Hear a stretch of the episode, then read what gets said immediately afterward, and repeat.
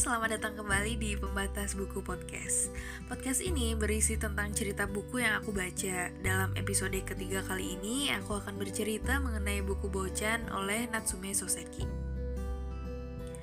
Natsume Soseki adalah salah satu tokoh besar dalam sastra Jepang di zaman Meiji ada beberapa panggilan yang didapat oleh Natsume antara lain yakni penulis prosa Jepang terbaik, penulis roman terbesar, serta penghubung antara sastra Jepang klasik dan sastra Jepang modern. Soseki juga merupakan tokoh intelektual yang paling kentara di zaman Meiji. Zaman Meiji adalah nama zaman pemerintahan Kaisar Jepang sewaktu Kaisar Meiji memerintah Jepang. Pada saat itu, ibu kota pemerintahan dipindahkan dari Kyoto ke Tokyo. Natsume Soseki merupakan nama pena. Aslinya ia bernama Natsume Kinosuke. Sastrawan kelahiran Tokyo, Jepang ini memulai debutnya sebagai novelis dengan cerita pendek berjudul Wagahai wa Neko de Aru. Ya, itulah. Nah, setelah terbitnya karya tersebut, ia menjadi terkenal dan ceritanya mendapat sambutan yang luar biasa. Natsume Soseki sendiri sebenarnya mulai dikenal pada era Meiji dengan karya-karyanya yang sebagian besar bergenre roman. Karya-karya Natsume antara lain adalah Kokoro, Sorekara, Sanshiro, Mon, Yumejuya, dan Bochan yang akan aku ceritakan dalam episode kali ini.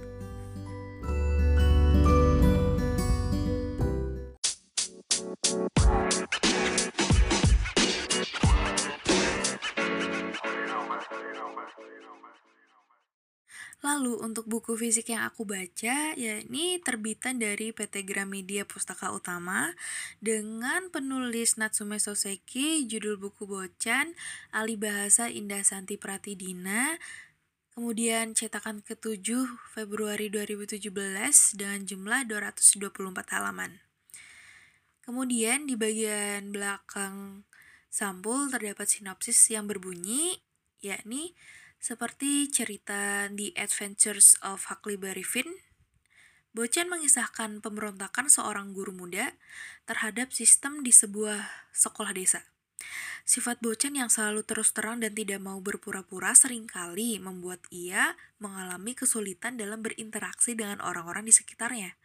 Cerita yang dituturkan secara humoris ini sangat populer di kalangan tua dan muda di Jepang, dan barangkali merupakan novel klasik yang paling banyak dibaca di Jepang modern.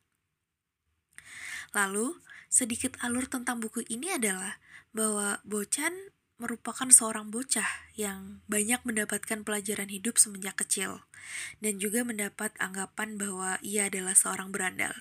Selain itu, dibuang mungkin adalah kata yang bisa sedikit mewakili Bocan, apalagi dalam hidupnya, ia sama sekali tidak dekat dengan ayah, ibu, dan kakaknya. Malahan ia dekat dengan perempuan tua yang mengasuhnya yang bernama Kyo.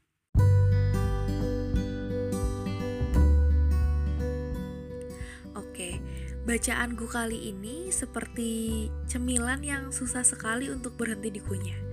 Ya, meski narasi diterjemahkan dari bahasa Inggris ke Indonesia, bukan dari bahasa Jepang langsung, tidak ada kendala bagi pembaca untuk bisa merasakan setting tempat dalam narasi ini. Ya, bagaimana nggak nagih, karena setting tokohnya aja udah asik ya karena seorang yang dianggap beranda lalu seorang yang belak-belakan yang nantinya akan terbentur dengan kepentingan sosial atau malah kepentingan pihak tertentu. Buku ini enak sekali dibaca dan setelah melewati seperempat buku ini menimbulkan pertanyaan atau lebih tepatnya aku menjadi berpikir tentang tokoh ini yang terlalu egosentris kah? Kenapa aku bisa berpikir begitu alasannya? Yang pertama dan utama, si Bocan dia tuh judging sekali dengan watak dan penampilan orang di desa baik guru dan murid di sekolah itu. Tokoh ini dalam seperempat narasi yang kubaca memberikan nama panggilan si Tanukilah, si itulah, si inilah pada tokoh lain yang menurutku itu tidak sopan. Lalu ia juga ngejajing murid sebagai babi yang bodoh serta dia apa ya terlalu memiliki rasa prestis yang tinggi sebagai orang yang berasal dari Edo sebuah kota lalu ada beberapa kasus yang menurutku membuat buku ini asik sekali dibaca yakni ketika membuat jengkel bocan karena bercandaan para siswanya. Tapi kenapa ya para siswa melontarkan candaan yang memang tidak berkelas? Karena ketika aku baca pun candaan mereka memang aneh. Jadi si bocan ini menganggap candaan siswanya tuh tidak berkelas. Lalu ketika bocan tuh makan mie 4 mangkok dalam sekali makan. Menurutnya itu adalah hal yang wajar.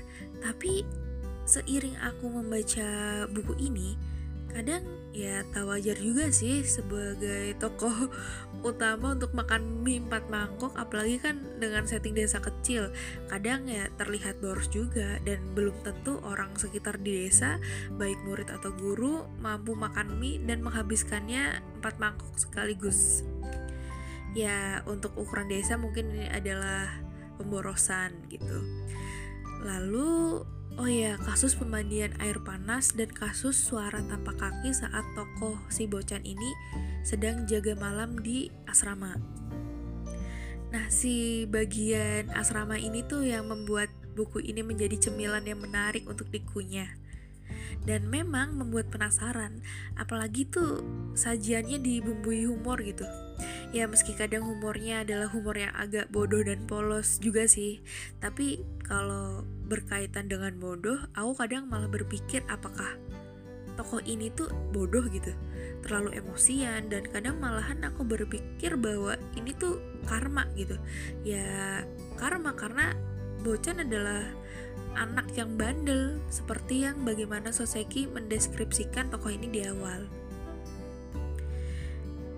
dari apa yang aku ceritakan sebelumnya, semoga teman-teman bisa menikmati bagaimana cerita ini mengalir.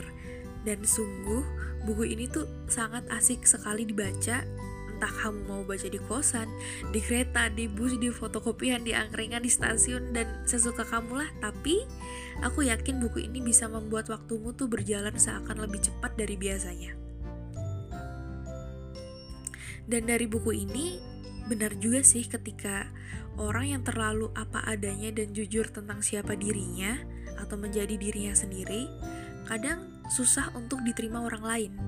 Ya, seperti Bocan, selalu mengungkapkan apa yang ia suka dan tidak suka, perlu dan tidak perlu.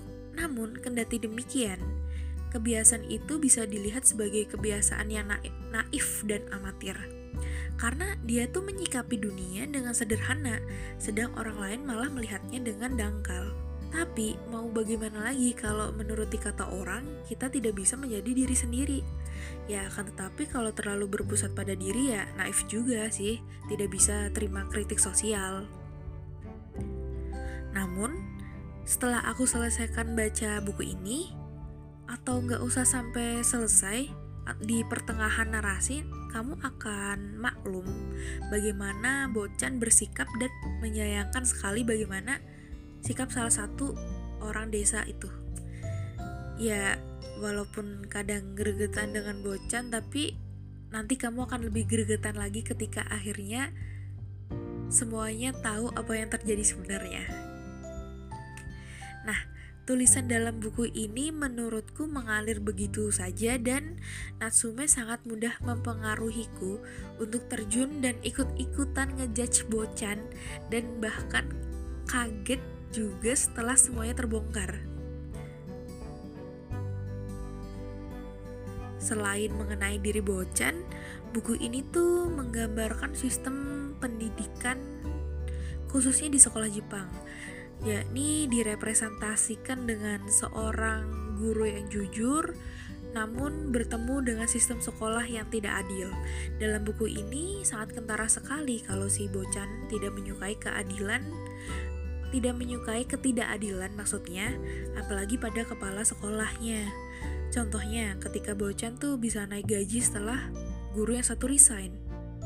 Jadi kayak harus memanfaatkan ketidakberuntungan orang lain demi memanfaat demi memberi manfaat pada dirinya sendiri. Kepala sekolah di sini sih sebagai kunci sistem pendidikan yang menyebalkan dan sebenarnya memang fungsi bocan dan guru lainnya yang harus bersusah payah untuk mengartikan apa itu pendidikan yang sebenarnya.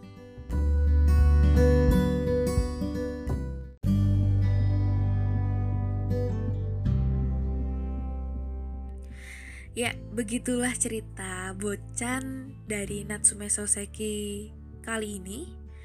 Selalu dukung podcast aku dengan follow dan bagikan ke media sosial kamu agar aku bisa tetap semangat bercerita mengenai buku-buku menarik lainnya. Terima kasih dan sampai jumpa di episode selanjutnya.